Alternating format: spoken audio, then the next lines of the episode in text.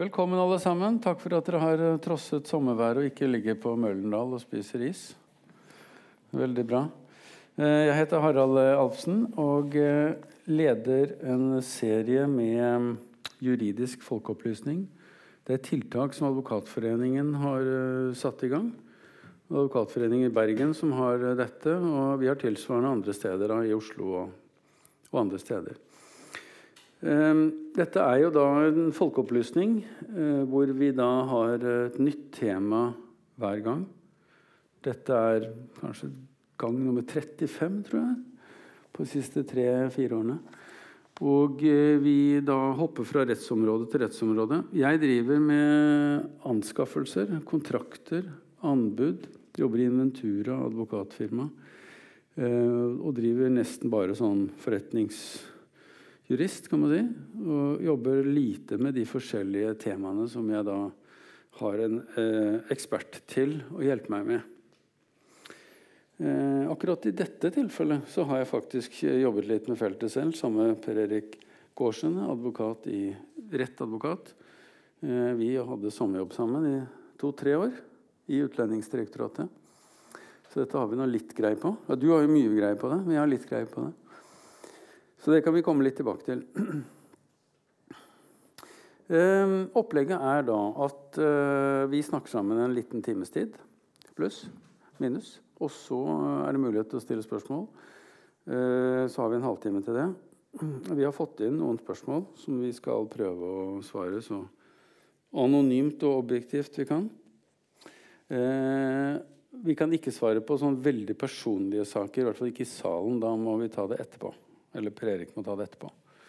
Så da kan man heller komme ned.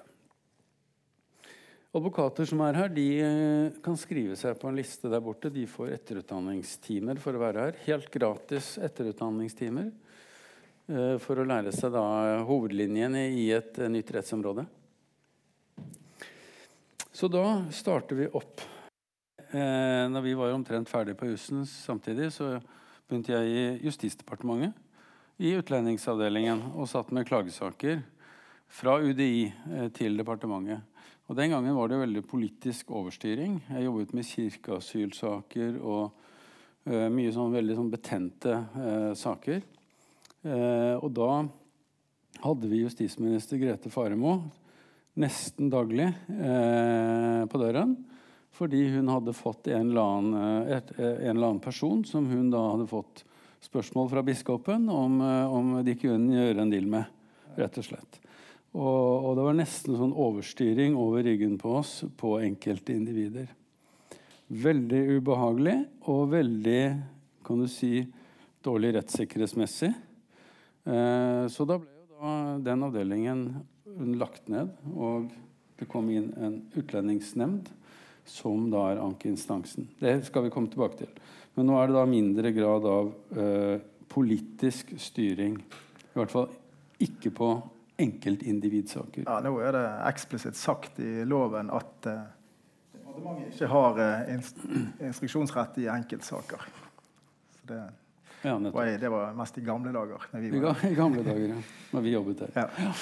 Um, Litt sånn innledningsvis på dette rettsområdet, Prerik. Altså, eh, veldig mange av de rettsområdene som vi har oppe her og forteller om, eh, de har liksom en god del blanding av uskrevne rettskilder en god del blanding av skrevne rettskilder.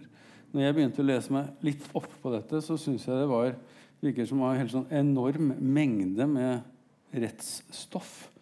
Altså Hvis du tenker konvensjoner, lov, forskrift, rundskriv, høringsuttalelser, nemndsuttalelser Mm. Virker jo som en helt sånn villnis av en skog. Ja.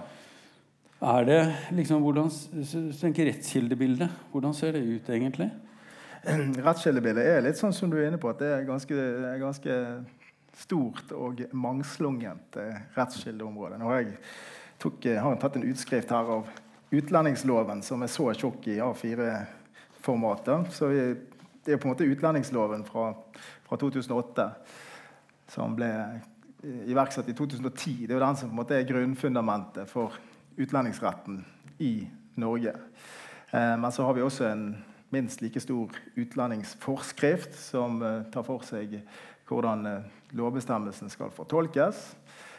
Og så er jo på en måte dette her ikke heller overlatt til norsk rett alene, fordi at dette feltet er jo i stor grad på mange måter et internasjonalt fag. da, Der konvensjonene, som du sier, er, er, spiller en veldig stor rolle. Sant? På asyl eh, asylfeltet så er det flyktningkonvensjonen, men vi har barnekonvensjoner, vi har torturkonvensjoner, vi har eh, diskrimineringskonvensjoner, eh, som jo er implementert som en del av norsk rett, både med utgangspunkt i, i bestemmelse i Grunnloven, som sier at norsk rett skal fortolkes i samsvar med konvensjonene, men så har vi også en egen menneskerettslov som har, har lagt noen av konvensjonene til grunn for, som norsk rett. Og da, da er, er på en måte rettskildebildet her ganske omfattende når det kommer til lover, forskrifter og, og konvensjoner. Og så I tillegg så har vi jo da eh, rettspraksis, som spiller en relativt stor rolle på feltet.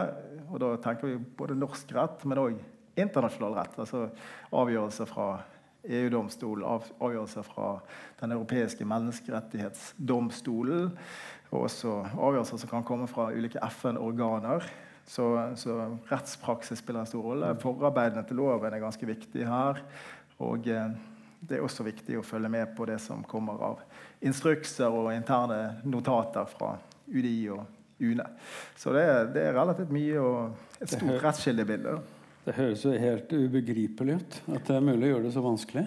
Ja, så Det er derfor du kan ikke spørre om alle mulige detaljer i dag. Men eh, det, det er ja, men sånn, sånn, eh, Hvis du tenker deg at, eh, at jussen også skal ha en brukervennlighet, ja. et brukergrensesnitt, så, så, virker jo dette rettsområdet mye mer komplisert enn alle andre rettsområder jeg er borti.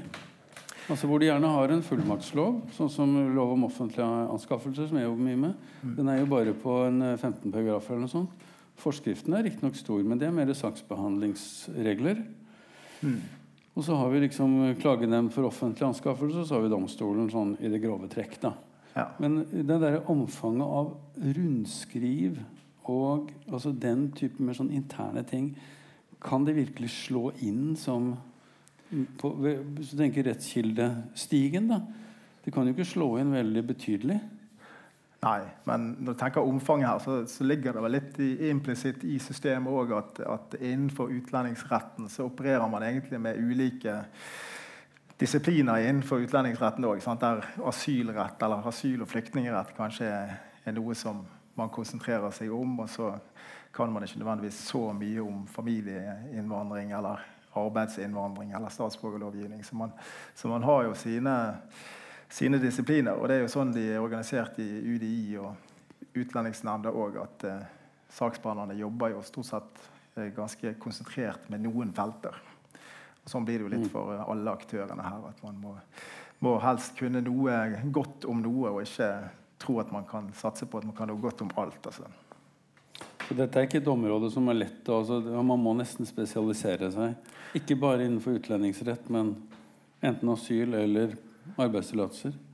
Ja, altså, det, det, vil nok ofte bli sånn at man spesialiserer seg på ulike felter innenfor asyl- og utlendingsretten. Ja. Når du sier disse internasjonale konvensjonene, altså hvilke um, um, Det vi snakker ofte om i disse møtene, her er jo hvem skaper uh, gjeldende rett? Mm. Er det domstolskapt rett? Er det lovgivningsskapt rett? Altså Hvem er det som er trendutvikleren? Vi har jo bare sånn, sånn uh, På jussiden så har vi det store bildet er jo at vi har domstolskapt rett på noen områder. Erstatningsrett, f.eks. Avtalerett. Uh, mens andre er veldig uh, detaljert. Alt som har med på en måte forbrukere eller rettighetslover, forvaltningsrett Hvor er vi her i dette bildet?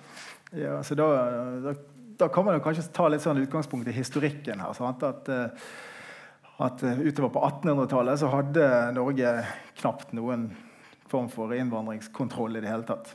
Selv om vi hadde, hadde Grunnloven og forbud mot jøder, da, som, som er et grotesk utslag av en form for eh, negativ utlendingsrett. Men det, man hadde ikke en egen lovgivning i forhold til inn- og utreise i særlig grad i, i Norge. Og så Så fortsatte det litt sånn ut starten av 1900-tallet. Og så kommer vi til første verdenskrig, som på en måte blir et, lite, et slags skillepunkt der. Da, for da begynner det å bli litt sånn flykt, flyktningstrømmer og, og, mer bevegelse over landegrensene. Så da får Norge en sånn eh, bestemmelse i, i, lov i 2017 om passtvang. Det at eh, utlendinger som skulle komme til Norge, måtte kunne fremvise pass. da. Eh, så da begynte man å få litt mer eh, feeling med at folk faktisk kunne komme til Norge. Det hadde man ikke hatt i så veldig grad før. Og så er jo det store skillet i, i, i, utlendingsretten som på en del andre rettsområder. Det er jo liksom andre verdenskrig. Sånn, da får du disse store flyktningstrømmene i, i, Europa, og folk begynner å bevege seg over landegrensene på en helt annen måte som følge av krigen. Og, og da får man eh, flyktningkonvensjonen i 1951, er det vel, som eh, tar for seg dette her med rett til asyl og rett til flyktningstatus. Og I kjølvannet av det så har Norge da fått en, en mer sånn bevisst eh, lovgivning. Da. Og også fordi man har sluttet seg til disse konvensjonene, så har man på en måte også forpliktet seg til å overholde dem. Og dermed så blir jo lovgivningen etter hvert utover litt mer sånn spesifikk. Så i 1956 tror jeg, så fikk vi første sånn fremmedloven. og så vi, fikk vi en utlendingslov i 1988, og så fikk vi en i 2008. Eh, men alt dette her er jo dels et resultat av at vi følger konvensjoner som vi har forpliktet oss til å holde. Men samtidig så ligger jo også det internasjonale systemet det at landene, de enkelte statene har jo sin suverenitet. Så det, det er i utgangspunktet sånn at vi kan, vi kan, bestemme i ganske stor grad hvem som skal komme til Norge, og hvem som ikke skal komme til Norge, og hvilke rettigheter folk skal ha. Eh, så der har vi en høy grad av suverenitet, men så er den suvereniteten, statssuvereniteten begrenset av at vi er nødt til å overholde de konvensjonene vi har forpliktet oss til. Mm. Så vi er f.eks. nødt til å ta imot asylsøkere som kommer på grensen og søker om asyl, og så gi dem en, en eh, behandling, da, den, den, søknaden.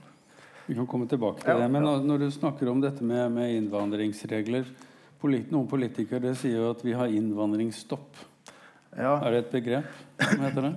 Det var vel et begrep. Jeg tror ikke vi bruker det begrepet lenger. at vi har innvandringsstopp. Det var noe som, som jeg tror ble innført i 1975, hvis jeg ikke husker feil. At man hadde begynt å få relativt mange i forhold til det man har hatt før. Det er ikke mange i forhold til det vi, vi, vi tenker om antall nå, men, eh, men da fant man ut at man måtte ha en form for innvandringsstopp der det i begrepet innvandringsstopp ikke lå at man skulle stoppe all innvandring. Man skulle fortsatt tillate arbeidskraft som vi trengte, og familiegjenforening og sånt. Så den såkalte innvandringsstoppen eh, førte jo ikke til færre innvandrere. For det kom veldig mange innvandrere også etter det. Men vi bruker ikke det begrepet nå lenger. Nå har vi en rettighetslov som sier at eh, hvis du oppfyller de og de vilkårene, så har du rett til opphold i, i Norge. Hvordan influerer utlendingsloven på, på, andre områder, som barneloven, straffeloven? Altså, er det andre tilknyttede ja, altså det, det, er områder? andre, altså Utlendingsretten henger jo sammen med altså for, for Forvaltningsretten, f.eks. For Utlendingsretten er jo en del av, eller Utlendingsforvaltningen er jo en del av den offentlige forvaltningen. Så forvaltningsloven supplerer eh, utlendingsloven. Eh, både på saksbehandlingsregler og rett til innsyn og, og eh, veiledningsplikt og, og, sånne ting. Noe av det er jo fanget opp i loven òg, men i den grad eh, det ikke er det, så gjelder forvaltningsloven. Så, så, er det klart at Straffelovgivningen har eh, forgreininger inn i utlendingsretten. Eh, du kan få, ha brudd på utlendingsloven som kan medføre straff, og du har eh, mulighet for fengsling i noen tilfeller. Og Mulla Krekar han er innenfor straffeloven? Han eh, er jo innenfor både konvensjoner og utlendingslov og straffelov og mye ja. forskjellig. Fortell litt om mulla Krekar. når vi først eh, kommer inn på han. Siden du nevner det. Siden jeg nevner det, og siden du ikke vet alt om han, selvfølgelig, men du vet vel hovedlinjene?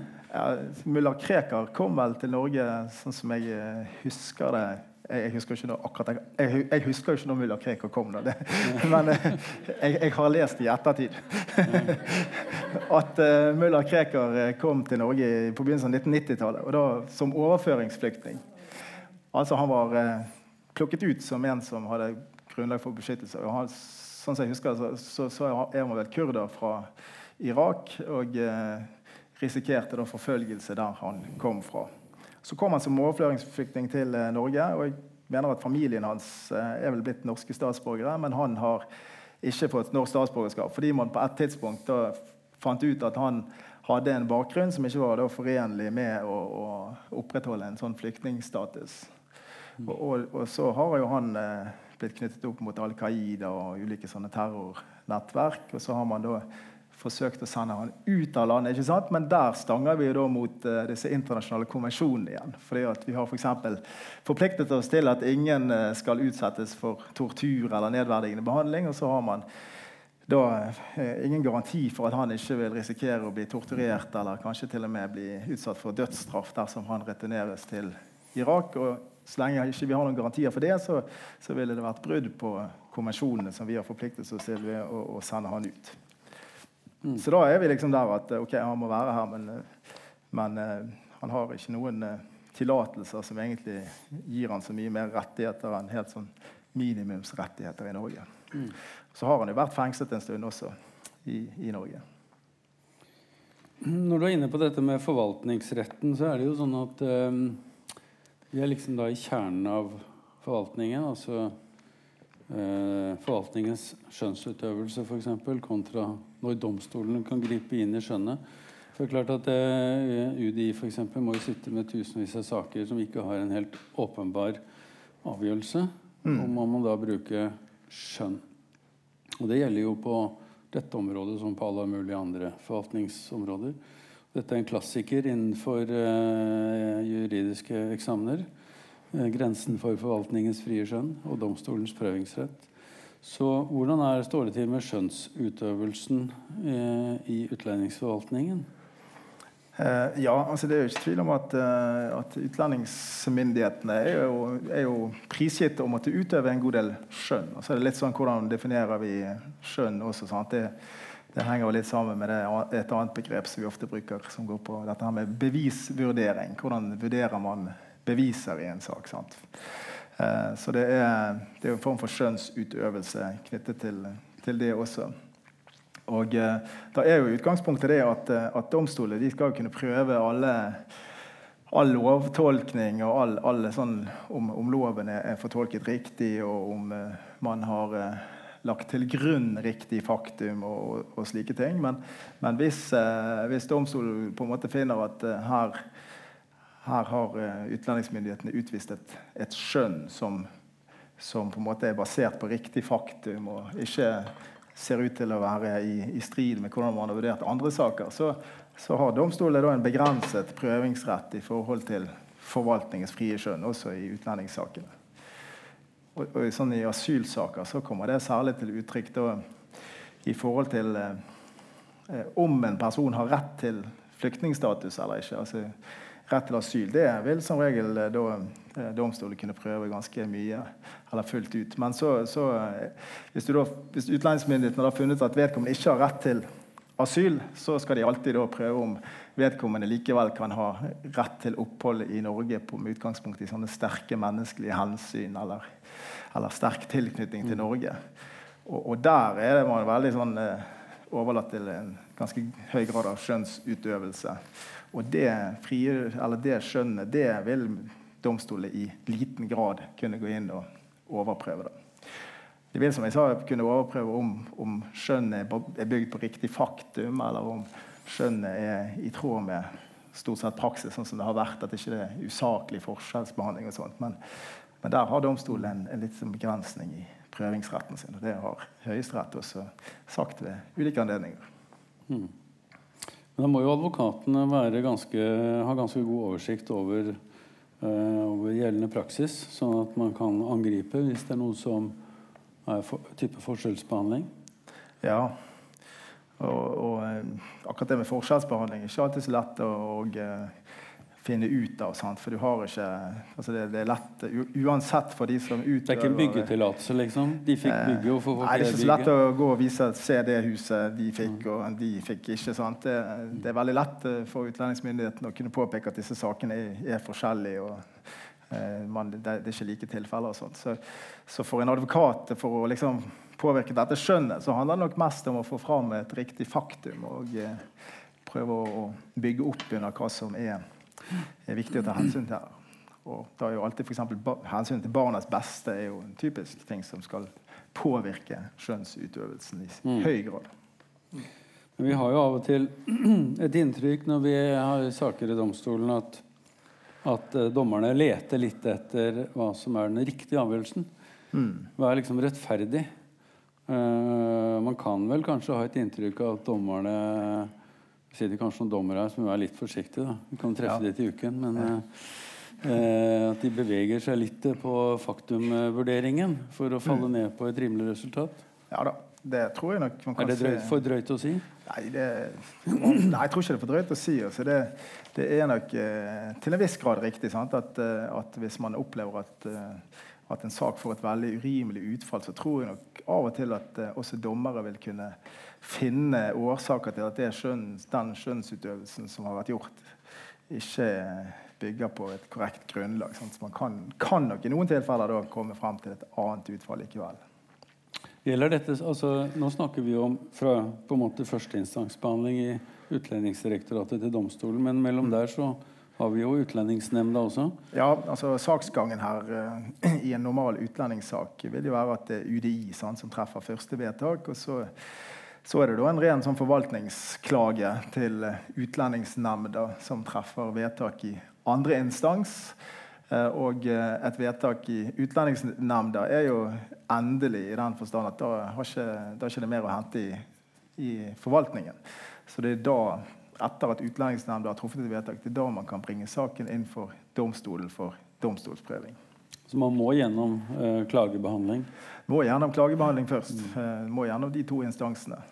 Men vi har jo dette med at man på en måte søker om omgjøring. Ja. Er det et rettslig eh, instrument, eller er det mer en sånn, eh, sånn ekstraklage, på en måte? Klage på vedtaket? ja, altså omgjøringsbegjæringer er nok altså, Jeg tror kanskje på utlendingsfeltet så er det med omgjøringsbegjæringer kanskje noe av det som eh, Det er kanskje der omgjøringsbegjæringer er, mest brukt innenfor eh, forvaltningen, tenker jeg. Altså, det er ikke uvanlig det at man eh, fremmer omgjøringsbegjæringer i utlendingssaker eh, fordi det er kommet inn et nytt faktum etter at Utlendingsnemnda traff sitt forrige vedtak. Men grunnen til at det ofte kan forekomme omgjøringsbegjæringer i utlendingsretten, det er jo bl.a. fordi at eh, man har en del eh, saker der Og nå tenker jeg igjen asylsaker, da, spesielt. Men der man har en asylsak, så har det kommet et vedtak i Utlendingsnemnda. Og så har man kanskje fått avslag eh, der. Og da er det likevel fortsatt sånn at veldig mange av de som har fått avslag i Utlendingsnemnda, de blir jo ikke de blir ikke alltid sendt ut av Norge med en gang, eller de reiser ikke frivillig med en gang. Sånn at man har jo eh, eksempler på at eh, man kan gå mange år etter eh, en avgjørelse i Utlendingsnemnda eh, og og fortsatt oppholde seg i, i Norge. Og da kan det skje ting sant, underveis som gjør at nå er det kommet et helt nytt faktum inn i saken som gjør at man kan sende en omgjøringsbegjæring. Eh, og Det trenger ikke være det at det har gått år heller, men det, det er det at eh, her går det på en måte en tid før vedtaket effektueres. på en måte. Ja, vi har jo hørt om folk som har vært her lenge. Hun Marie Amelie eller hva heter for noe, var jo her i årevis og tok videregående skole. og Ja, Det er vel noen sånne eksempler? ja det var akkurat det, jeg tror det er Vårt Land i dag så står det om en eh, dame som har vært i Norge i 19 år uten lovlig tillatelse etter, etter avslag. Så du har jo noen sånne ekstrem, ekstreme tilfeller på, på folk som har vært i, i Norge lenge etter å ha fått et endelig avslag. Hva går det være årsaken til det? Er det politiske prioriteringer, eller politiets kapasitet, eller For Eh, det er jo de som transporterer ut, er det ikke det? Det er jo igjen, eh, igjen ulike årsaker Hvis de ikke reiser frivillig, da? Ja, Det kan være ulike årsaker til det. I noen tilfeller så er det fordi at man vet ikke identiteten til de personene. Da, så da har man ikke en klar identitet på en person, så, så vet man jo heller ikke hvilket land man skal sende personen til. I andre tilfeller så er det jo det at de landene som de kommer fra, ikke, ikke tar imot eh, folk som har flyktet fra landet. Sånn det er rett og slett Man har ikke såkalte returavtaler. Eh, Det var f.eks. lenge tilfellet med Etiopia. Så, så det er ulike årsaker til det. Og de som er her, eh, tenker jo ofte at de ikke er trygge til å kunne reise tilbake. Slik at eh, de, de opplever at ikke de kan returnere. Men eh, hvis vi, hvis vi eh, går litt tilbake til den politisk overstyring og sånn. Mm. Altså, politikerne kan vel si på forskjellige tidspunkter at nå vil de ha, føler de en ekstra behov for beskyttelse for den, den folkegruppen, eller altså kan de gi kollektiv opphold eller beskyttelse litt mm. sånn på eget initiativ? Eller etter press, eller under valgkampen, eller ja. hva det måtte være? Ja, altså det, og det er jo en annen faktor innenfor utlendingsretten. Sant? At det er et ganske sånn dynamisk eh, rettsområde i den forstand at eh, her kan reglene forandre seg i, løpet av ganske kort tid. Uh, det så vi jo f.eks. i 2015, sant? når uh, denne, så, denne, flyktningstrømmen kom fra, spesielt fra Syria da, til, uh, til, Europa, og mange kom til Norge og via Russland og Storskog og alt dette så, så, kom det jo veldig mange i forhold til det man var vant til kom i løpet av kort tid. Og da samlet jo de partiene seg på Stortinget, og så inngikk man et sånn uh, asylforlik. da. Ikke alle partiene som var med på det, men de fleste partiene var med på det. Og det, det forliket ble inngått i november, og så ble det eh, gjort en del endringer da, i praksis og i lovverk i løpet av januar 2016. Så, så da, da endrer ting seg litt i tråd med utvikling og ting som skjer. Så det, på den måten kan jo politikerne eller de styrende myndigheter gjøre ganske store endringer. Mm. Men det de altså ikke kan gjøre, er å gå inn i enkeltsaker og liksom pålegge Utlendingsnemnda eller UDI å, avgjøre det ene eller det andre. Men de kan komme med sånne generelle instrukser, og de kan gjøre lovendringer instruksendringer i løpet av ganske kort tid. Mm. Nå, vi, nå, har vi snakket på en måte om inngangspartiet her. Eh, nå mm. må vi litt sånn inn i enkelttilfeller, altså ja. type asylsaker. da. Eh, og de andre typer tillatelsene. Men la oss gå bare tilbake til det kirkeasylfenomenet. Eh, for vi satt jo en svær gjeng der, jeg tror vi var 50 stykker i utlendingsavdelingen. Eh, og halvparten jobbet bare med kirkeasylsaker. Ja. Hver eneste kirke var jo full. Og hva slags institutt er det?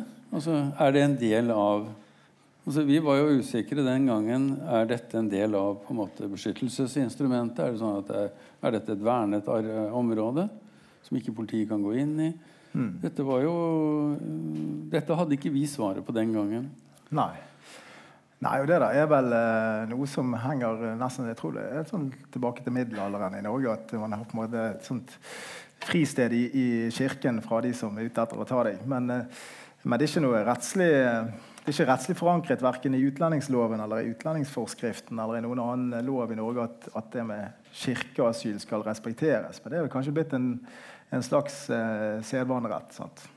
Så myndighetene har jo respektert kirkeasylet helt frem til i dag. Det var én sak i fjor var det vel, eller så var det i forfjor, der eh, en familie på Stord eh, satt i et sånt eh, eh var mer som bedehus. da.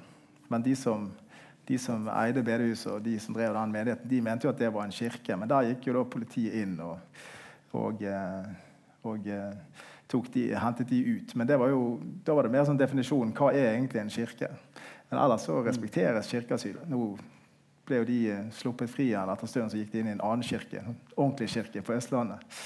Men, eh, men, og der er de? Nei, nå tror jeg nettopp de har fått, fått sånn utsatt iverksettelse av vedtaket sitt. Så nå tror jeg de kan har kunnet gå ut av kirkeasyl. Men Er det noen i kirkeasyl i dag? Er, jeg tror ikke det er mange som sitter i kirkeasyl nå. Det er kanskje noen helt få. Men det instituttet har på en måte Jeg tror det er stort sett veldig få kirker som på en måte ser det som veldig ønskelig med kirkeasyl. For det, det, er krevende på mange måter. Og det er krevende for de som bor i kirkeasyl òg. Så, så, det er vel noe som har på en måte dabbet av veldig. Mm. Var, på den tiden der så var det vel mye bosniere kanskje, og litt sånn som mm. satt i kirkeasyl. Det, var det. Dette var jo et eh, gamle Jugoslavia sin oppløsning. Mm.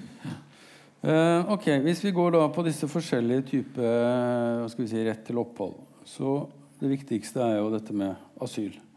Uh, det var en som stilte spørsmål her til oss som kom inn uh, til meg. Er det forskjell på en flyktning og en asylsøker? Ja. Så hvis vi begynner liksom på det store bildet, ja. hva, hva, er dette vi snakker om egentlig? Ja, altså Asylsøker og flyktning er, det er liksom to, det er to ulike begreper. Sant? og De brukes ofte litt om hverandre. Eh, men altså å retten til å søke asyl den er på en måte nedfelt i, i uh, flyktningkonvensjonen. Alle har på en måte rett til å søke asyl. Eh, men det at du søker asyl, betyr ikke at du nødvendigvis eh, blir, er kvalifisert som eh, flyktning da, i, i, neste runde. En asylsøknad kan jo ende med at du får avslag. Og hvis du får avslag på asylsøknaden din, så er du per definisjon da ikke en flyktning. Men hvis du får innvilget asylsøknaden din, da blir du en flyktning. Så flyktning er på en måte da resultatet av søknaden. Og asylsøker er vel da en som er i prosess for å få avklart om han eller hun blir anerkjent som flyktning eller ikke flyktning. Mm. Det er i hvert fall sånn rettslige uh, Og når du har kommet til Norge Vi skal ikke snakke så mye om de som har kommet til Norge, men det fins jo et eget direktorat for de òg. Ja, det er jo eh, laget et eget direktorat for integrering. Det vi kaller for IMDi, IMDi. som har ansvar for uh, Integrering og mangfoldsdirektoratet. Ja, det er de som skal liksom gjennomføre den til enhver tid sittende regjerings integreringspolitikk. Mm. Bosetting i kommunene og sånne ting. Men jeg har skrevet opp hovedregelen for flyktningemigrasjon her. Altså det å, å kunne søke asyl. Jeg kan bare si en ting ja. før, du, før, du, går akkurat på det. For det er to måter vi tar imot flyktninger på i, i Norge. egentlig. Um, det er jo de som kommer her og søker asyl. Asylsøkere som da får prøvd, eh, som får prøvd asylsaken sin. Det er jo, har i hvert fall vært den største gruppen. Nå eh, har det kommet veldig få asylsøkere det siste året. Men, så det er jo en måte vi tar imot flyktninger på. det er asylsøkere. Men så har vi også det vi kaller for overføringsflyktninger.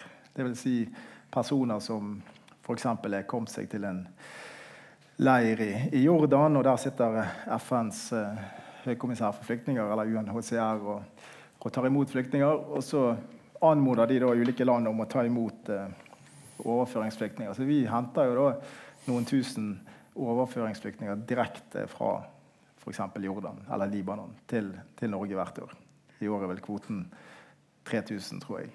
Så det er liksom, men det er jo folk som da er plukket ut som flyktninger der, og som blir hentet til Norge. Så det er den andre måten vi får, eh, Norge tar imot flyktninger på. Men da får de, da får de, får de flyktningestatus, da? Eller? Ja, Da er de allerede i utgangspunktet på en måte klarert som flyktninger. Så da, da slipper de en veldig omfattende søknadsprosess i Norge. Da, mm. da er de liksom inn i systemet, inn i IMDi-systemet mm. fra første stund. Men vil alle komme til Norge, da? Uh, ja, det... Er det til Norge de vil? Vil ikke til Amerika? Jeg tror, jeg eh, tror, nok ikke Norge er førstevalget blant alle. Jeg har hørt at Canada er vel ofte vel så populært. Sant? Det er et veldig populært land å, å, komme til. Og så vet jeg, det leste jeg for ikke så lenge siden, en sånn rapport. Norge jo, har jo begynt å, å liksom drive litt mer sånn orientering overfor de som er potensielle overføringsflyktninger. Der man in, in, gjør en del informasjonsarbeid i flyktningleiren i forhold til de som kan være aktuelle for å komme til Norge. Der man informerer en del om norske samfunnsforhold og kvinners rettigheter og homofiles rettigheter. og slike ting. Og der har, sier de at de har opplevd at noen da, etter å ha hørt det, ikke nødvendigvis ønsker å komme til Norge. Mm. Det er en uh, silingsprosess som kanskje sånn, kan være lur. Men uh, det, har man, uh, det, det, er noe man har begynt med de siste årene. Litt mer sånn proaktiv informasjonsarbeid. Men Hvis vi bare ser på definisjonen, da. altså at du eh, kan anerkjennes som flyktning dersom du har en velbegrunnet frykt for forfølgelse. Ja. Og det er pga. etnisitet, avstamning, hudfarge, religion, nasjonalitet, medlemskap i en spesiell sosial gruppe, eller pga. politisk oppfatning og er ute av stand til, eller pga. slik frykt uvillig til, å påberope deg hjemlandets beskyttelse. Ja. Det var jo en lang reise. Men altså, velbegrunnet frykt for forfølgelse er vel inngangsporten. Ja. Og det der er på en måte direkte hentet fra eh, FNs flyktningkonvensjon. Der har vi liksom det er en sånn norsk oversettelse for å rett og slett bare oppfylle det samme som vi har i konvensjonen. Bare sånn at det liksom, de skal være helt på linje der. da. Men velbegrunnet frykt, ja, det, det, handler jo om beviskravene. Når du kommer som asylsøker til Norge, så skal jo norske myndigheter da foreta en vurdering om du har en sånn velbegrunnet frykt for forfølgelse. Basert på et av de kriteriene som du nevnte. Og da handler jo dette om, altså I, i jussen så er det alltid et spørsmål om beviskrav. Sant? For at du skal kunne bli dømt i en straffesak, så må visse beviskrav være oppfylt. Tvilen skal alltid komme tiltalte til gode. og og, og sånne ting. Og hvis du skriver erstatning i en erstatningssak, så må det være mer sannsynlig at du har rett på erstatning enn ikke rett på erstatning. Sant? Så er det samme, samme beviskravene kommer, kommer, her, også bare på en annen måte. Velbegrunnet frykt. Det handler om at uh, man må foreta en vurdering av den som søker. Så må man først foreta en vurdering av personens troverdighet. Altså den historien som du forteller, er, er, den troverdig eller er den ikke troverdig? Eh, har du klart å på en måte sannsynliggjøre din identitet og din bakgrunn og din historie? Eh, og så når man da vurderer det, og, og foretar en vurdering der, så må man jo også i neste runde da, foreta en vurdering av ok, Hvis du har klart å sannsynliggjøre historien din frem til nå, eh, har du da en velbegrunnet frykt for forfølgelse? og Da er det liksom mer sånn fremtidsrettet eh, eh, vurdering. Så det er to, to, vurderinger. Om du må reise tilbake til ditt land, har du da en velbegrunnet frykt for forfølgelse der. Eh, så Det Høyesterett vel har, har, sagt om dette beviskravet, da, det er at hvis den historien som du forteller, er noenlunde sannsynlig altså eh, Det er ikke sånn at den må være mer sannsynlig enn ikke sannsynlig, men den må være noenlunde sannsynlig. Det må være en, en, eh, viss sannsynlighet for at det du sier, er riktig. Hvis, hvis, den er det, så er det normalt tilstrekkelig. Og, og velbegrunnet frykt for forfølgelse, der har man liksom tenkt litt sånn eh, Må det være 50 sjanse for forfølgelse, eller må det være 20 Og så har man sagt at det er veldig vanskelig å sette tall på det. Men her kan konsekvensene med å foreta en feilvurdering fra myndighetens side kan være så stor at her må vi legge listen ganske lavt. Da. Sånn at du må, Historien som du forteller, må være noenlunde sannsynlig. Og det må være en reell sjanse for at uh, du kan bli forfulgt uh, hvis du returneres. Uh, så det er liksom Bevisterskelen her er lavere enn på veldig mange andre rettsområder. Men det må jo være stor forskjell på om det er en individuell vurdering eller om det er en mer sånn folkegruppevurdering. Hvis det er en ja. folkegruppe som er forfulgt, så må jo det være noe annet enn om den enkelte har vært politisk opposisjonell, f.eks. Mm. Eller en journalist som har vært litt, uh, har vært litt uh, røff med blyanten. Ja, ja, ja. Ja, da, her er det jo, eh, her er jo da at utlendingsfeltet òg er spennende på den måten at uh, det innebærer jo at du også må ha en ganske høy grad av både landkunnskap og kulturell forståelse og, og forståelse av både historie og, og, bakgrunn for å på en måte kunne treffe de rette avgjørelsene. Mm. Og Dermed så gjøres det jo òg ulike vurderinger knyttet til ulike land, sant, basert på, på på eh, situasjonen. Jeg skal ta et eksempel på asylfeltet. Det, det handler jo om eh, kristne konvertitter, f.eks. Der du har eh, der en del asylsøkere de, de, har jo kanskje blitt kristen i et land der det å være kristen er ofte forbundet med at man blir, også blir forfulgt. mens noen blir kristne i Norge og eh, konverterer da, kanskje typisk fra islam til kristendom, og så, og så påberoper seg det som en asylgrunn. Eh, og da, Hvis du sammenligner liksom da, en asylsøker fra Iran med en asylsøker fra Afghanistan, så har myndighetene i forhold til Afghanistan der er liksom det å konvertere det har, vært så, har vært så farlig at man på en måte har sagt at alle som har konvertert fra Afghanistan, eh, vil få opphold i Norge. Så da ligger ikke på en måte eh, da ligger ikke eh, myndighetens vurdering på, på selve forfølgelsesfaren sånn generelt i Afghanistan. Men da, der blir det ofte en troverdighetsvurdering. Har virkelig denne personen konvertert, eller har han ikke konvertert? Mm. Eh, for har han konvertert, så skal han ha rett til opphold, mens mange har blitt, liksom, fått avslag der fordi at historien deres om konverteringen har ikke vært sannsynliggjort. Mens i forhold til Iran så har det ofte vært en annen vurdering. For der har man sagt at eh, ok, den personlige konverteringen er jo en sak for seg sjøl, men der har man også sagt at det er fullt mulig for noen å leve som konvertitter i Iran, eh, men ikke for alle. Så der blir det mer en sånn eh, sannsynlighetsvurdering knyttet til forholdet i, i landet. Eh, så det blir litt ulike vurderinger der. Og da er liksom listen lagt der at hvis du er en lederskikkelse innenfor en menighet, sånt, så har du rett til asyl. Men hvis du kun er et vanlig medlem som sannsynligvis glir litt inn i mengden, så så blir det annerledes. Mm. Selv om de har i, afghansk, i iranske lovgivning at konvertering er forbundet med dødsstraff. Men det, det er bare det at det praktiseres visst veldig lite. Mm. Også når du sier informasjon om, om, land, så Når jeg jobbet i forvaltningen, utlendingsforvaltningen, og du jobbet, så det jo, hadde vi sånne ut, eh, landrådgivere som vi kunne gå bort til gangen og spørre hva skjer i Afghanistan og hva skjer i Bosnia. og sånn. Mm. Eh, nå så jeg da, før vi forberedte oss her, at det er noe som heter Landinfo. Ja. Som er en ny Er det en etat, eller hvor som skal sitte da med god kunnskap om hvert enkelt land? Er det sånn?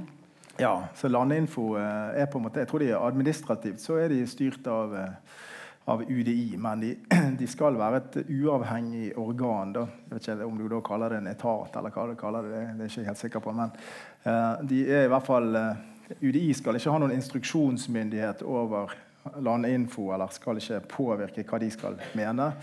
Uh, men Landinfo skal likevel være UDI og UNES, Utlendingsnemndas ekspertgruppe når det kommer til landinformasjon. Så de har jo veldig mange flinke folk der som jobber i i Landinfo, som reiser mye rundt i, i verden med, og på en måte prøver å, å, å avdekke hvordan tilstanden er da, i, i, ulike land.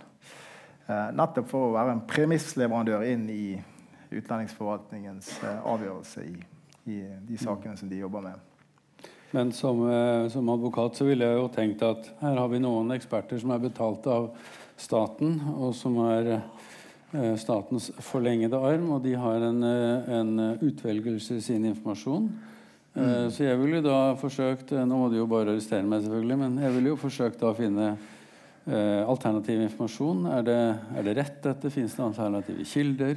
Mm. Hvor langt går du i den ja. gravingen? Ja, altså det er klart at det, det er noen som stiller spørsmålstegn ved Landinfos uh, uavhengighet. Sant? Men jeg har ikke noe grunn for å si at de ikke fremstår Eh, objektiv eh, så langt som de, de, kan. Men så kan man jo ofte være uenig i, i, vurderinger som gjøres. Så det er nok eh, for det, det er jo, Mange land er jo veldig krevende uansett å få god innsikt i. Det, er ikke, det er ikke lett å reise rundt i Iran og drive og intervjue alle mulige folk om hva de har opplevd og erfart. Sant? Så de også er jo prisgitt sine kilder igjen.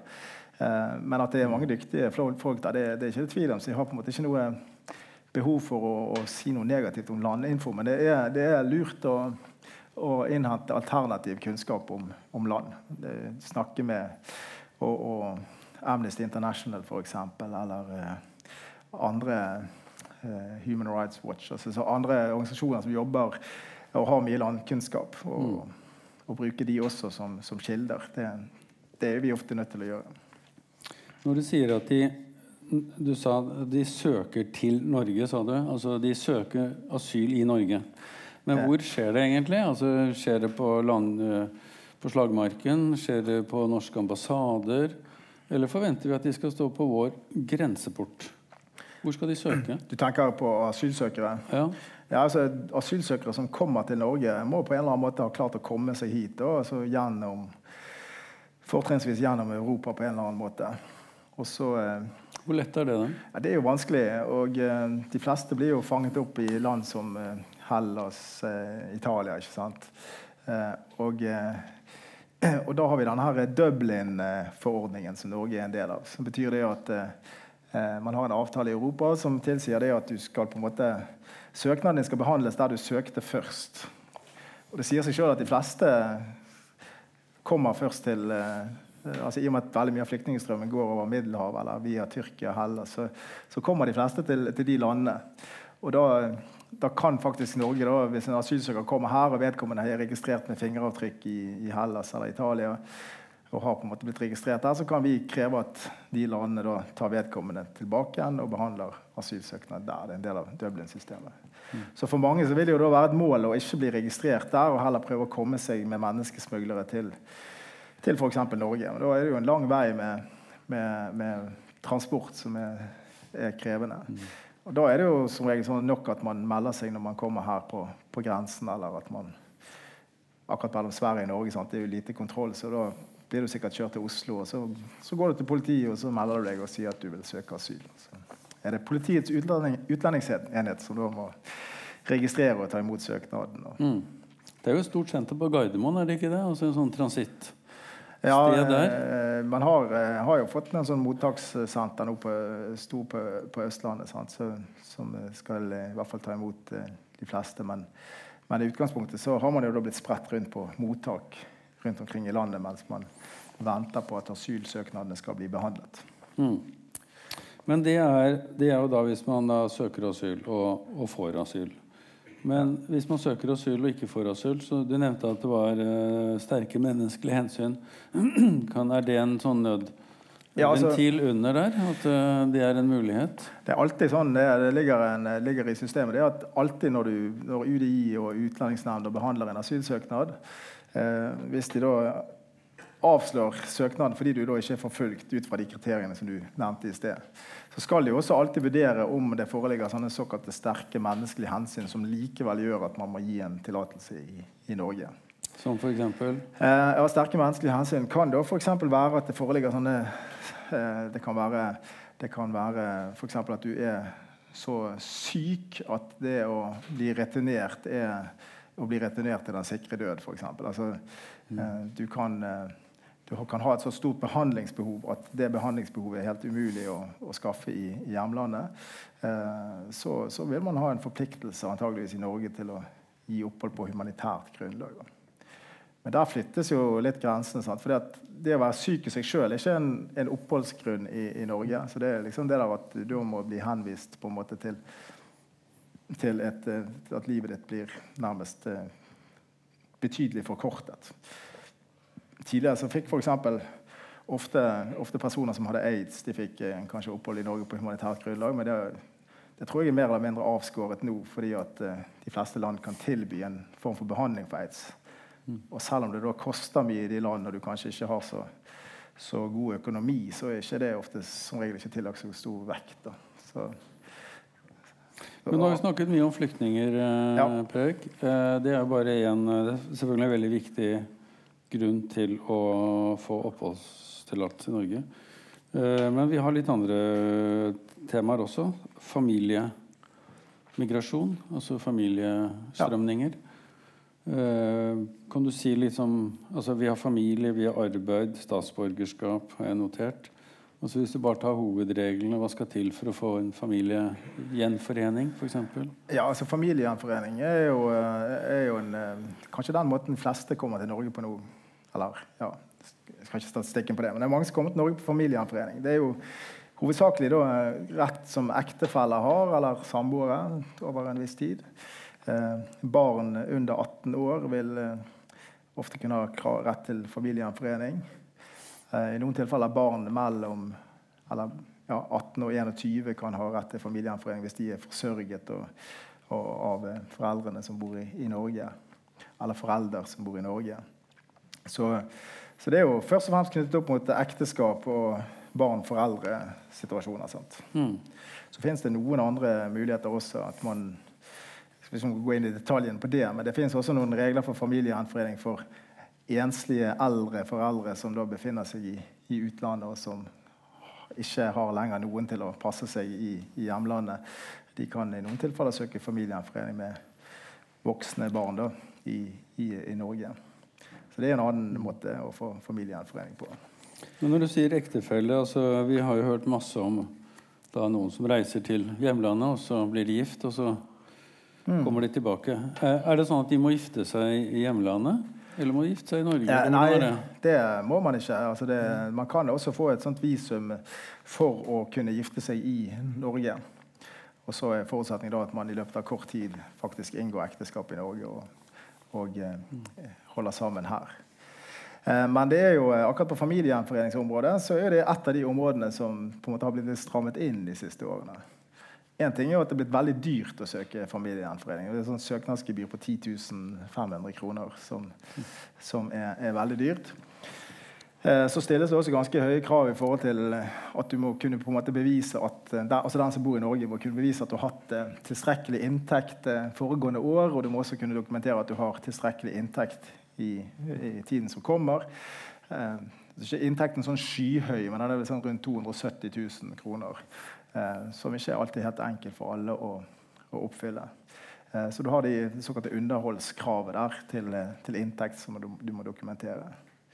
Eh, så det er jo måter man har på en måte prøver å begrense litt eh, innvandringen, eller gjøre det litt mer sånn det, også, ligger jo sikkert også noen integreringshensyn der. Sant? At de som kommer, skal på en måte være forsørget av familien og ikke av staten i første rekke. Dette med arrangerte ekteskap, da, at du på en måte blir pålagt å reise hjem for å gifte deg.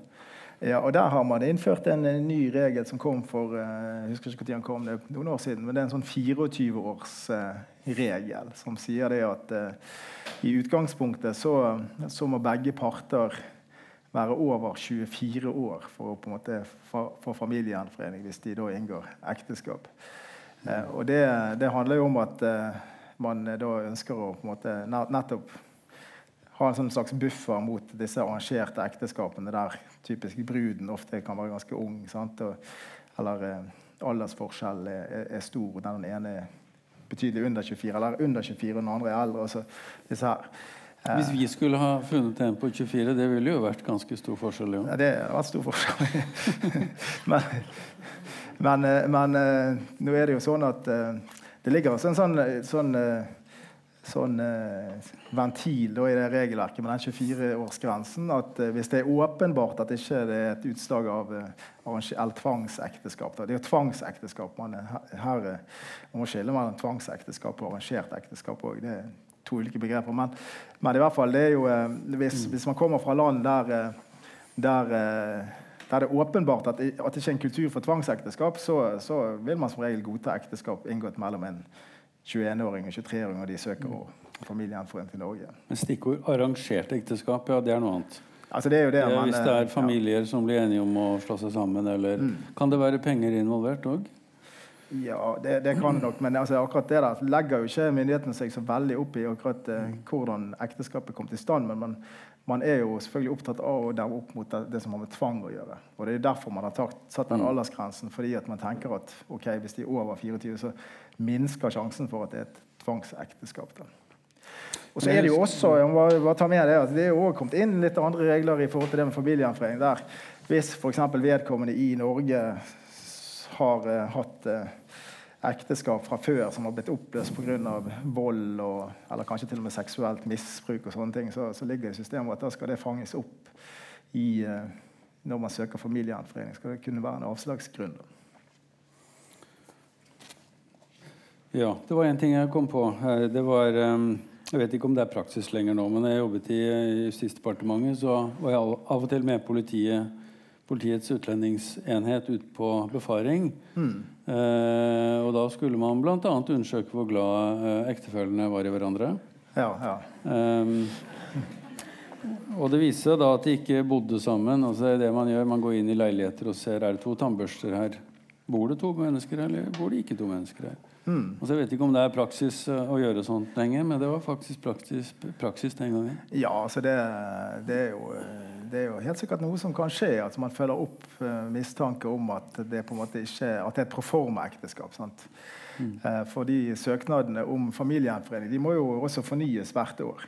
Og så er det jo sånn da at Når du har hatt en tillatelse i tre år, så kan du jo søke permanent oppholdstillatelse etterpå. Da har du på en måte en tillatelse på selvstendig grunnlag. Men de første tre årene så er, jo du på en måte, så er man jo da prisgitt at, eh, at dette ekteskapet består.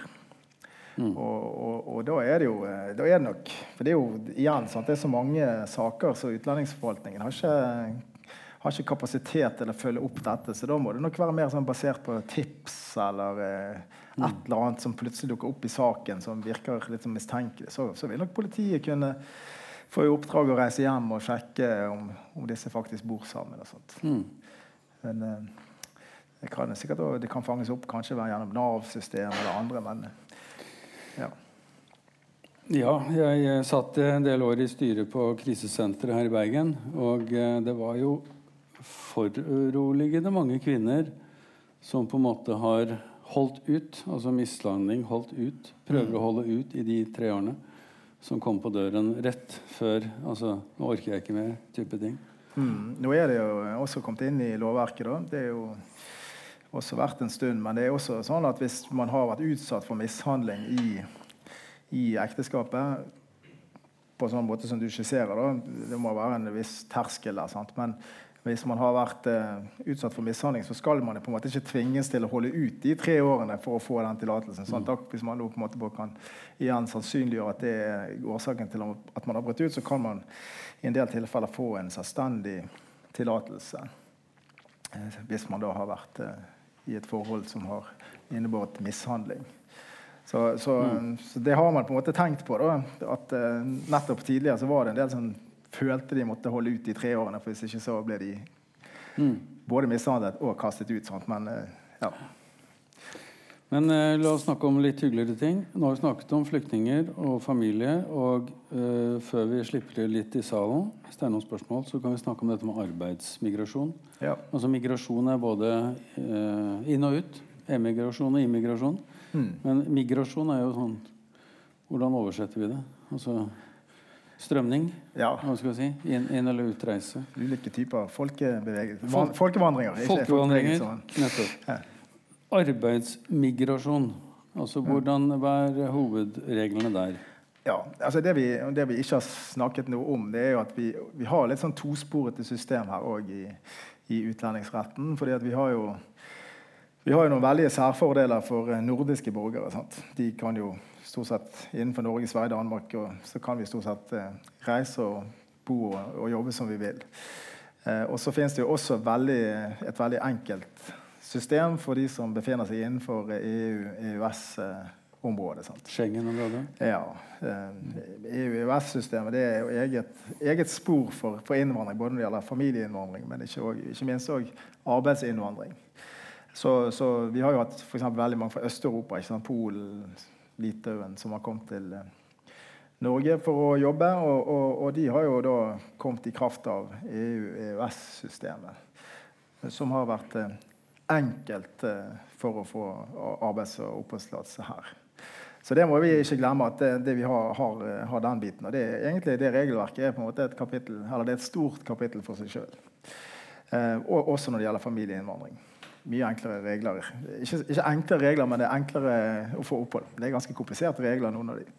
Eh, men for folk utenfor EU, EØS eh, så er jo det med arbeidstillatelse plutselig straks mer komplisert. Sant? Der har vi et eh, mye, mer, har vi et mye større vern om, om våre grenser. Og det, der slipper vi jo inn uh, typiske faglærte. Sant? Vi trenger jo eh, spesialister på ganske mange områder, og de vil kunne ha tilgang her.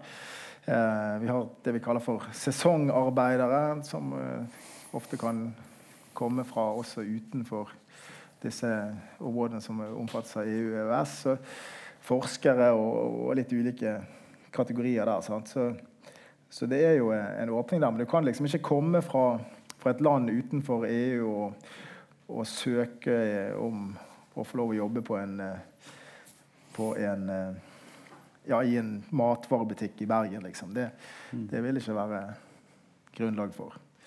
Men uh, du kan kanskje få opphold i Norge fordi at uh, en, uh, ja, en, en teknologibedrift på, på Sandsli trenger en med din kompetanse fra India. Altså, mm. så, så, her snakker vi nok om et veldig differensiert marked der. Vi hadde, vel, vi hadde, vel, en bunke med kinakokker og sånn, hadde vi ikke det i UDI i sin tid? Jeg, eh, når jeg jobbet i UDI sommerjobb, så jobbet jeg på Kina-avdelingen. Så da oppdaget, det var da jeg oppdaget at det fins en kinarestaurant på alle steder i Norge. omtrent. og du må ha tolv års utdanning for å bli eh, ja. kokk?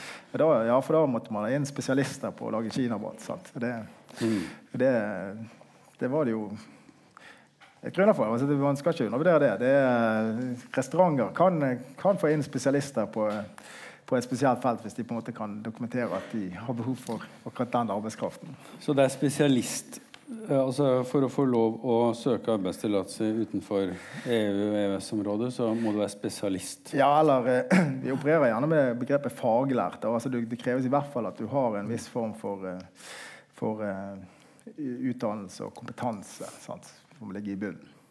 Så vi har ikke et sånn fritt arbeidsmarked i forhold til at, eh, at helt ufaglærte kan eh, i særlig grad søke seg jobb her. Mm. Det, det, kreves, det er kompetansekrav, og det er også i en del tilfeller knyttet opp mot behov her. Sant?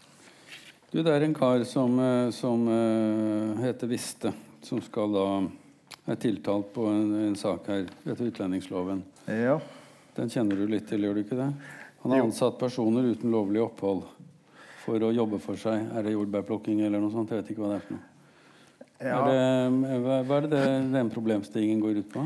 Altså, da er det jo litt tilbake til det vi snakket om i sted, om asylsakene. Sant? At du har, eh, du har, en relativt stor gruppe i Norge som har fått sitt siste avslag på, på eh, asylsøknaden sin. Altså Asylsøkere, mens de venter på eh, å få behandlet søknaden sin, så har de ofte rett til så har de som regel rett til arbeidstillatelse i Norge hvis de kan dokumentere identiteten sin.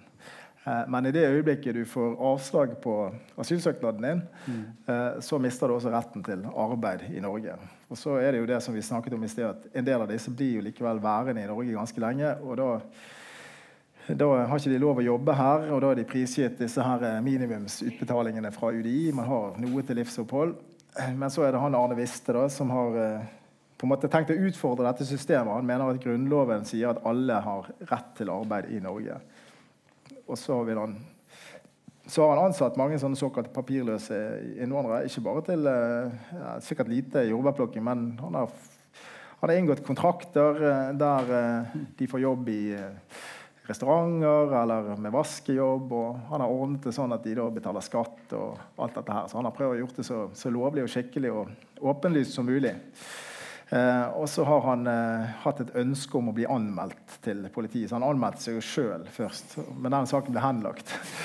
og så eh, eh, Nå har han på en måte endelig blitt anmeldt, da, så han legger jo mye av sin personlige ting i potten her. Det høres ut som han gjør egentlig noe fornuftig. da, for, de, for spørsmålet er egentlig hva slags rett rettigheter og forpliktelser har de? Altså, er, lever de i helt sånn rettstomt rom? Da? Hun som har vært her i 19 år, er det helt rettstomt? Hva med helserett? Skole ja, ja, det, er mye det er mye å snakke om der. Altså, rettighet, retten til helsehjelp er også veldig begrenset. Og, mm. Så det er også på et helt sånn spareblussnivå, egentlig. Så det han prøver å utfordre systemet gjennom å, å og på en måte få en dom. Han vil jo helst ha en dom så høyt opp i systemet som mulig som sier at uh, alle i Norge har rett til å jobbe hvis de, hvis de liksom er her. Så det, det, er jo på mange måter prisverdig. Selv om jeg har, eh, jeg har jo dessverre mine tvil om at han vinner fram. Da. Fordi at uh, det, er, det, ligger jo liksom i, i, det som vi begynte med å snakke litt om, at statene har på en måte en, en rett til å styre sin innvandringspolitikk. I relativt stor grad. Og når du da har kommet fram til at noen ikke har rett til opphold, så skal jo de i prinsippet sendes ut. Og hvis de da ikke reiser ut, så, så, så, så kan det jo ikke på en måte nødvendigvis staten tvinges til å gi dem arbeid. For det vil jo da da får jo ingen et incitament til å reise ut. Vil jo, si. Det vil jo være noen gale signaler. Ja, Vi har jo et annet begrep som går litt igjen i loven. Sant? Det er jo dette begrepet innvandringsregulerende hensyn. Og, og staten har eh, har lov å ta utgangspunkt i en del sånne innvandringsregulerende hensyn. nettopp og der Et av de innvandringsregulerende hensyn er jo nettopp hva, hva er konsekvensen. Hvis vi tillater dette, hva er da konsekvensen i neste runde? Sånn. Så her er jo det disse eh, hensynene som må veies opp mot hverandre. Jeg skulle jo ønske at det var lov å jobbe, men eh, jeg, jeg, jeg, tviler altså på, det, på om man når frem med det. Men før vi fortsetter, Preik, Prek, vi har noen uh, ting til. Men er det noen spørsmål fra salen? Så vi i hvert fall eh, ikke går glipp av det. Vi har en mikrofon her. Ja, det høres sånn ut. Du sa at kravene til familiegjenforening var beskjerpet. Og altså disse 270 000 i inntekt, f.eks.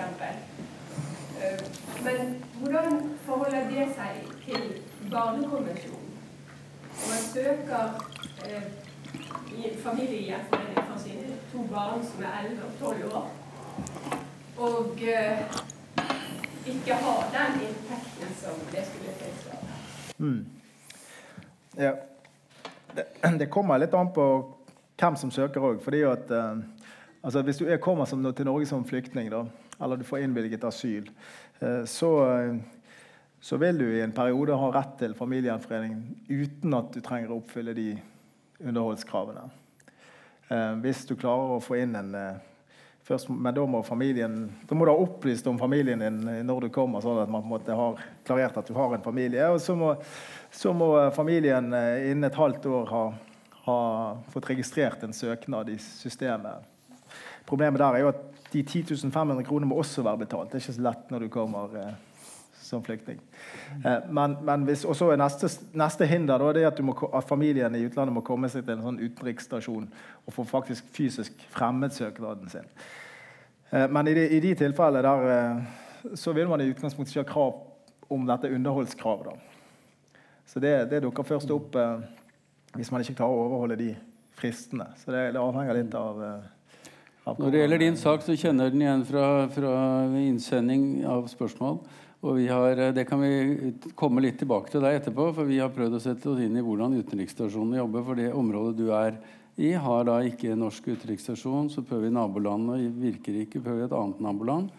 Og I går så vi på de ambassadene, og den ene ambassaden at du kan ikke si at du kan ikke søke her, for vi driver med noe annet. Du må søke til svenske ambassaden, eller du må søke til norske ambassaden i Addis Abeba, som sier at nei, du kan ikke søke her, du må søke til eh, Nairobi. Og så eh, virker jo dette helt eh, gresk. Afrikansk.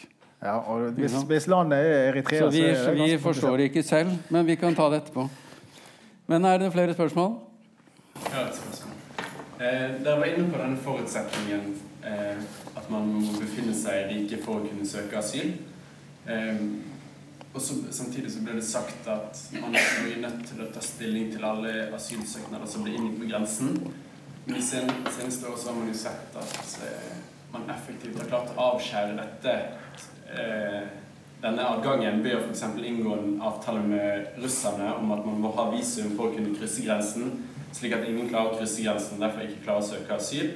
Og så har man et lignende tilfelle med denne EU-Tyrkia-avtalen, som har gjort at asyl, asylankomsten, eller antall asylankomster, har falt til bunn. Så jeg er ute etter deres kommentarer til Eller om dere har noen tanker, kommentarer, refleksjoner rundt at man da på 50-tallet etablerte noen beskyttelsesmekanismer, men nå de senere år har på en måte effektivt avskåret disse beskyttelsesmekanismene med å hindre at folk får faktisk adgang til landet landene hvor man potensielt potensielt kan søke beskyttelse. Mm. Ja, det er jo et uh, veldig stort og, og, komplisert spørsmål, selvfølgelig. fordi at uh, det, er jo, det, er jo, sånn at uh, det er vanskelig å komme til Norge. Altså, grensen mellom Norge og Russland er jo veldig lukket. Sant? fordi det er jo, det er jo en sånn Schengen yttergrense, så der må du faktisk gjennom ganske streng kontroll for å komme over. så mellom Norge og Sverige så er det jo veldig liten kontroll. så så, men pga. det du nevner om Hellas Tyrkia, så kommer jo det relativt sett få. Da. Og de som kommer jo til Norge, må jo klare å komme seg helt hit og krysse alle disse grensene uten å bli stoppet. Eh, men eh, akkurat det, da, så i dette, dette, forliket som ble gjort eh, på Stortinget i 2015, så var jo en av de tingene som de da kom fram til, det var at de, Norge måtte ta et sånt internasjonalt initiativ for å se på konvensjonene litt på nytt igjen. Og det, eh, det er kanskje mitt beste svar i forhold til akkurat dette her. at eh, Konvensjonen fra 50-tallet var jo veldig sånn eh, opp mot en annen tid der det var flyktningstrømmer litt sånn rett over til naboland. Og, og, og veldig lite lang eh, flukt man var på. Selv om det var langt nok, selvfølgelig, for, men ikke så langt som nå. Man burde jo kanskje sett eh, på nytt igjen på, på, hele systemet og fordelingen av flyktninger. Og, og, hvordan man håndterer det. For det er ikke tvil at i, i, den grad det å ha lite innvandring eller lite asylsøkere er, er positivt, så kommer jo Norge veldig godt ut nå. Eh, men det betyr jo ikke at det er få flyktninger i verden. Så vi er jo nødt til å se på hvordan vi i hvert fall skal fordele byrdene bedre i, i Europa og andre steder. Ikke akkurat det veldig konkret svar, kanskje. Men det ligger i hvert fall i, i, i, i forliket som er gjort, at Norge skal ta et initiativ for å se på konvensjonene på nytt igjen. Har det blitt gjort det et par år siden etter forliket? Eh, jeg tror de jobber med det, men jeg tror også det der er ganske sånn eh, krevende arbeid. Det, jeg tror det er vanskelig å få, å få stor enhet rundt det. Men flyktningkonvensjonen i sin tid var jo ment for at folk skulle komme til et land, få vern mot, mot retur inntil på en måte situasjonen i i det landet de var flyktet fra, var blitt bedre. Så, så egentlig så var ikke flyktningkonvensjonen nødvendigvis ment for, for, det som er nå, at man skulle få asyl og være i et land alltid så lenge. Så, så det, det, ligger også i, i systemet her. Vi får ta et spørsmål til. Ja, det, um, tenker på et begrep opphold. Altså ligger i det. altså Asylsøker fra staten som flyktning opphold. Hva utløser da av rettigheter og plikter, og, og hva er avgrensningen mot si, statsborgerskap som, som vi nyter godt av? Kan du si litt om hva det innebærer? Ja. Eh, altså det, det, avhenger litt av eh, hvilken oppholdstillatelse du har. For det, det fins ulike typer oppholdstillatelser, sånn, som vi har vært inne på. og eh, Da kan du skille mellom f.eks. de Du har noen oppholdstillatelser som danner grunnlag for varig oppholdstillatelse. Og Det er f.eks. sånn uh, type at du har fått en, en uh, asyl- eller flyktningstatus. etter et visst antall år da, så gis du rett til permanent oppholdstillatelse og statsborgerskap. For, men, men studentoppholdstillatelse er jo en annen oppholdstillatelse som, som, en del har, som kommer her for å studere på universitetet. Men da, da har du en oppholdstillatelse som, som, såkalt ikke danner grunnlag for permanent oppholdstillatelse. Si at hvis du, selv om du studerer her i seks år som student, eh, så må du reise ut igjen når, når, du er ferdig med de seks årene. Med mindre du da er blitt så faglært og spesialist at du kan faktisk få deg en jobb her. Men, eh, men, men rett til opphold eh, utløser eh, også litt, igjen, da, litt ulike rettigheter avhengig av hva type opphold du har. Hvis du er her på en arbeidstillatelse, så, så, vil du i utgangspunktet ha rett til å være her og operere som nordmenn flest så lenge du er i den jobben og forsørger deg sjøl. Eh, men det er ikke da gitt at du, hvis du mister den jobben, at du får fornyet tillatelsen din. Eh, mens en flyktning vil, en som har fått flyktningstatus, vil, vil, jo da, vil jo da ha, ha en høy grad av de samme rettighetene som en nordmann. Men f.eks. nå er det snart kommunevalg. Du har ikke rett til å stemme eh, med mindre du har bodd her i, i, i noen år. Akkurat kommunevalg dårlig eksempel, for da får du stemme etter tre. Men du får ikke stemme ved stortingsvalget, i hvert fall. Eh, og du har, eh, du har jo hengende over deg den muligheten at man også kan få tilbakekalt en tillatelse. Eh, så man har jo en betydelig større grad av usikkerhet. Men flyktningstatus utløser jo økonomiske rettigheter og eh, stønadsrettigheter og, og, og slike ting. Men igjen, altså, det avhenger veldig av hvilken type oppholdstillatelse man, man, har. Og der finnes det jo forskjellige. Familieoppholdstillatelsen avhenger jo av den du er i familiegjenforening med, som vi snakket om i sted, at du faktisk, det er ekteskapet, Hvis du er her i kraft av et ekteskap, at ekteskapet består. Hvis det ikke består, så er hovedregelen at da må du reise ut igjen. Med mindre du har fått denne permanente oppholdstillatelsen på plass. Det, der, det der minner meg på et lite tema vi ikke har snakket så mye om. Det er jo dette hvis barn kommer først. Altså Hvis barn får oppholdstillatelse, f.eks.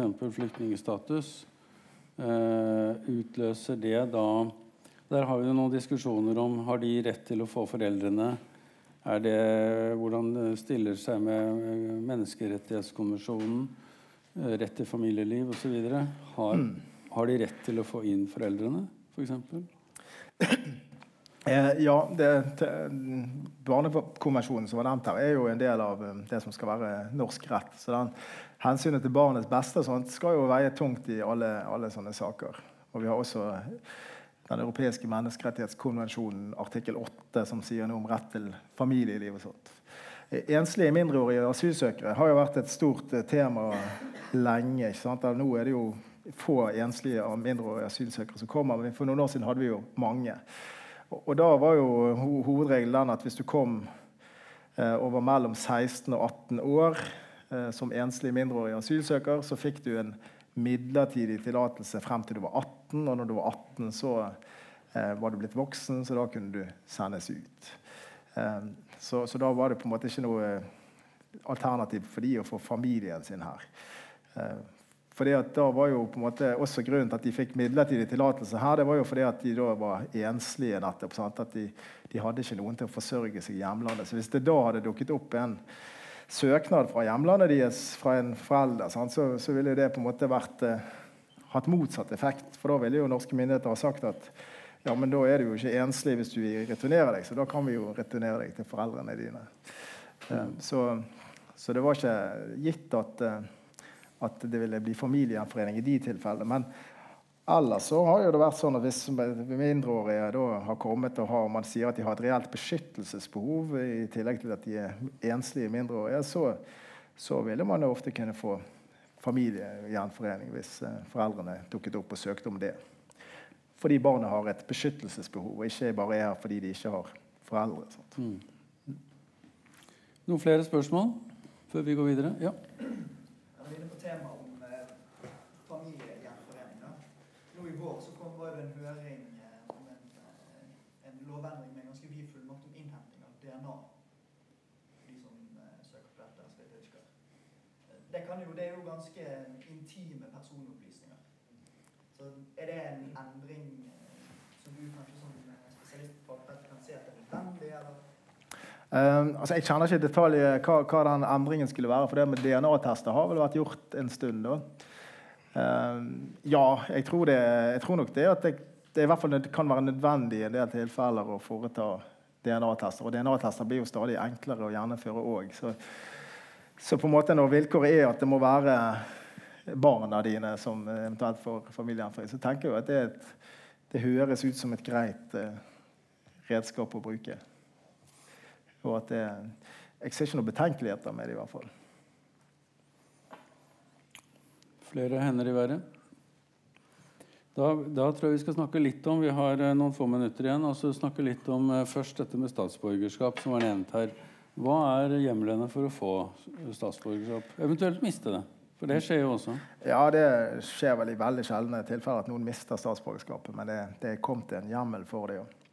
Men eh, hovedregelen når det gjelder statsborgerskap, det er jo at eh, du må være kommet til Norge, og du må eh, stort sett oppholde deg i, i Norge da mesteparten av tiden. Altså det, det er noe, Du kan ikke liksom komme til Norge, få en oppholdstillatelse her, og så flytte ut av landet og være, være masse ute. Eh, og så må du ha en av disse tillatelsene som, som danner grunnlag for permanente oppholdstillatelser. Så igjen, altså En student som er her i flere år, har ikke en tillatelse som danner grunnlag for oppholdstillatelse. Har heller ikke en tillatelse som danner grunnlag for statsborgerskap. Mens en flyktning, en eh, som er her på familieinnvandring, en som er her på arbeidsinnvandring, eh, vil kunne søke om statsborgerskap etter en tid.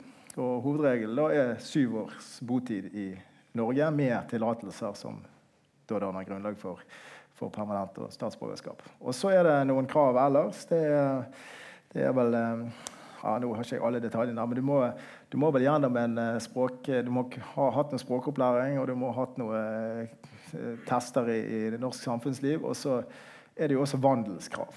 eh, At du må kunne vise at du ikke har, eh, har noe straffbare forhold eh, i Norge. Da kan du få karantenetid. Og så er det jo da andre regler knyttet til dette her med at hvis du kom, i, kom som ektefelle, eller hvis du er ektefelle med norsk statsborger og har bodd her med, ekte, med norsk statsborger, så, så, så regnes hvert år dobbelt for den tiden du bor sammen med ektefelle. Og så har vi noen eh, spesialregler for de som kommer her og er statsløse. De vil kunne få norsk statsborgerskap etter betydelig kortere tid. Eh, nettopp fordi vi ikke ønsker at noen skal være statsløs. Kan man ha dobbelt statsborgerskap òg? Norge har jo veldig lenge praktisert det at hvis du blir norsk statsborger, så må du si fra deg ditt gamle statsborgerskap. Og det har liksom vært en forutsetning for eh, å, å bli norsk statsborger. da. Men nå har man jo vedtatt en endring i loven som sier at uh, vi i Norge også skal tillate dobbelt statsborgerskap. Uh, Den regelen ble vedtatt i fjor, men den er ikke trådt i kraft ennå. Det, er en, det er en sånn konvensjon vi er nødt til å forandre, det tar litt tid. Så det siste jeg hørte, for jeg sjekket akkurat det med UDI i en, annen, i en sak, da, eh, det er at eh, man håper og tror at det skal kunne komme i kraft fra, fra desember. Men eh, de har sagt før at det skulle tre i kraft tidligere, så det må man ta med en liten klype salt. Men det er i hvert fall på gang. Det er, myk, det er myket opp. Ja, det er, i hvert fall, det er myket opp i den forstand at man skal tillate dobbelt statsborgerskap i Norge. Eh, Et annet punkt som jeg noterte, dette med Du sa flyktninger kommer over til Italia for eksempel, og Hellas og sånn. Da har du dette med båtflyktninger, altså begrepet båtflyktning. Ja. Er det et juridisk uttrykk? Altså, hva er reglene for det hvis, det, hvis de blir plukket opp eh, av et norsk skip f.eks. i internasjonalt farvann? Ehm, ja, jeg tør vel ikke Jeg tror ikke det er et eh, juridisk begrep i den forstand at man har et sånn klar eh, tanke om hva som skal skje med de båtflyktningene. var jo spesielt eh, mye på var det slutten av 70-, begynnelsen av 80-tallet. Vietnamesiske båtflyktninger. sant? Og da, eh, Mange av de kom jo til, til Norge, plukket opp av norske skip.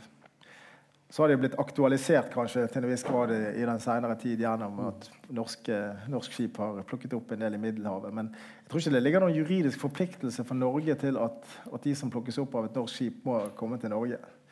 Så, eh, De kan vel ikke dumpes på sjøen? Absolutt ikke. Og eh, det er klart at det der er en utfordring som man bare er nødt til å ta på en eller annen måte. sant? Men der, det, er, det, er juri, det er ikke det er ikke ren juss, det der er politikk. Det er spørsmål om hva som, hvem som vil ta på seg ansvar, rett og slett. Mm. Og det må jo Nå har vi snakket mye om tillatelser. Helt til slutt, eh, Prek. Nå, øh, jeg har notert meg dette du har snakket om at det er mulig eller ikke mulig å miste. Altså, det å få sånn altså, tilbakekalt eller miste hele grunnlaget du er her på, mm. og, og, bli utvist, eller øh, Det er kanskje to forskjellige ting. Men, men, det å miste Hva skal til for å miste din tillatelse? Altså, Tilbakekalle? Ja. At vi har tilbakekall på to, to, ulike nivåer i hvert fall som jeg kommer på i utlendingsloven. Og Det ene er jo at man har en tilbakekallsregel som sier at hvis du, hvis du har eh, altså løyet altså hvis, hvis, det grunnlaget du er kommet inn på, viser seg i ettertid å være et falskt grunnlag, eh, falske papirer, falsk historie, som, som, kan forekomme, så har man en bestemmelse i loven som sier at man da kan tilbakekalle tillatelsen. At du mister den tillatelsen du har fått. Så det er jo én form for tilbakekall. Så har man en annen form for tilbakekall. Det er jo i forhold til personer som har fått flyktningstatus, så har man da en bestemmelse i regelverket som sier det at hvis, eh, hvis forholdet i hjemlandet ditt eh, eller det landet du har flyktet fra, da, hvis det, hvis det over tid har vist en så klar forbedring at eh, at nå tenker vi at beskyttelsesbehovet ditt ikke lenger eksisterer, så har man, har man også en hjemmel for å kunne tilbakekalle flyktningstatus. Og det har jo eh, blitt noen tilbakekallsaker på f.eks. Eh, Somalia. Man har vel også begynt med det i forhold til Etiopia. Så, så, så, det er på et annet plan. Da har ikke flyktningen gjort noe galt. Det er ikke det, verken løgn eller falske papirer, eller noe sånt, men det er rett og slett en vurdering av at nå foreligger ikke lenger behovet for, for opphold her.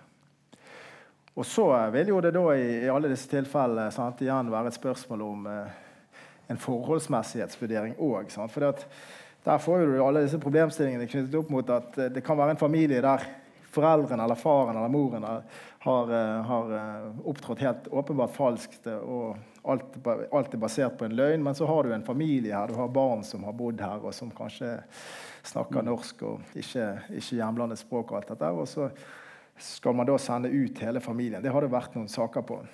Og eh, igjen er det jo barnekonvensjonen, altså hensynet til barnets beste og sånn, som skal telle. Og veies opp mot det vi kaller for innvandringsregulerende hensyn. Skal du, hvor, stra, hvor stor grad skal du på en måte belønne eh, disse, denne falske eh, oppholdstillatelsen, og i stor grad skal du vekte da, hensynet til barna. Det er jo det som må veies opp mot hverandre her. Og, og Der har det jo slått ut i litt forskjellige retninger. Jeg jobber en del med, med sånne saker. og Det er jo veldig interessante saker. For der uh, jobber nok sikkert også systemet litt med hvor, hvor skal listen ligge her. Sant? Vi får si at uh, de som er uh, mer interessert, får ta kontakt med deg. Ja. Uh, vi har kommet til veis ende. Det var krasjkurs i utlendingsrett. Ja. Og eh, neste tema her, det er i november. Det er litt eh, i samme, nesten samme gate. Det er internasjonal rett, folkerett, og det går på statsdannelser og løsrivelse. Hva skal til for at en stat kan dannes? Mm. Eh, og hva skal til, geografi, befolkning osv. Hva skal til for at en stat kan løsrive seg? F.eks. Catalonia, som er et nærliggende eksempel. Da kommer doktorgradsstipendiat Jørgen Skjold som skriver doktorgrad om akkurat dette. Mm. Ja, Det var jo et veldig spennende tema. Mm. Skal jeg faktisk komme på. Da kan du få komme. Vel, takk for oss. Takk for at dere kom.